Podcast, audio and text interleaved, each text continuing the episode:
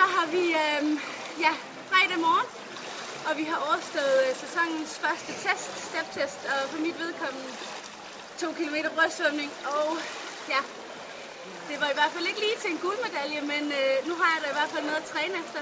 Paulus, we just finished our first test in the season.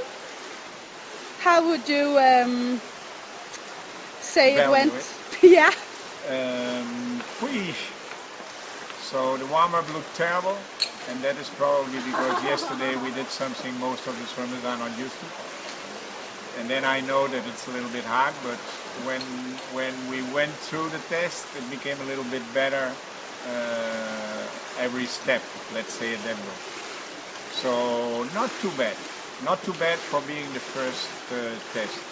Og øh, at fange øh, Kelly, som er ny her på NCC, og øh, som i dag har svømmet sin første step-test. Hej Kelly. Hej. Så øh, har jeg jo hørt øh, en lille fugl synge om, at øh, i dag svømmede du din første step-test. Ja, det gør jeg. Hvor, øh, hvordan, øh, hvad er dit indtryk efter sådan en gang øh, crawl? Det var hårdt til sidst, men øh, det var ikke noget, jeg sådan døde af. øh, det var sjovt, var. Klar. Og øh, har du nu en fornemmelse af allerede, hvad du ligesom kan bruge det til i din træning? Øh, ikke rigtigt. Men det håber vi så, at Paulus finder Ja. ud af, så han kan kommunikere det videre. Ja. What do you expect to get out of it? Many things.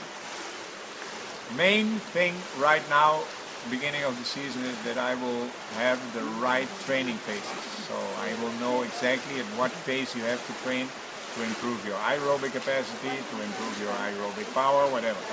So that's the main purpose from the first test.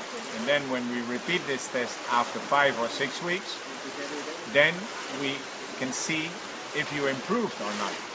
Right now I cannot see that because we come from holiday and and we do the test normally in 50 meter pool, so everybody will have uh, decreased the level.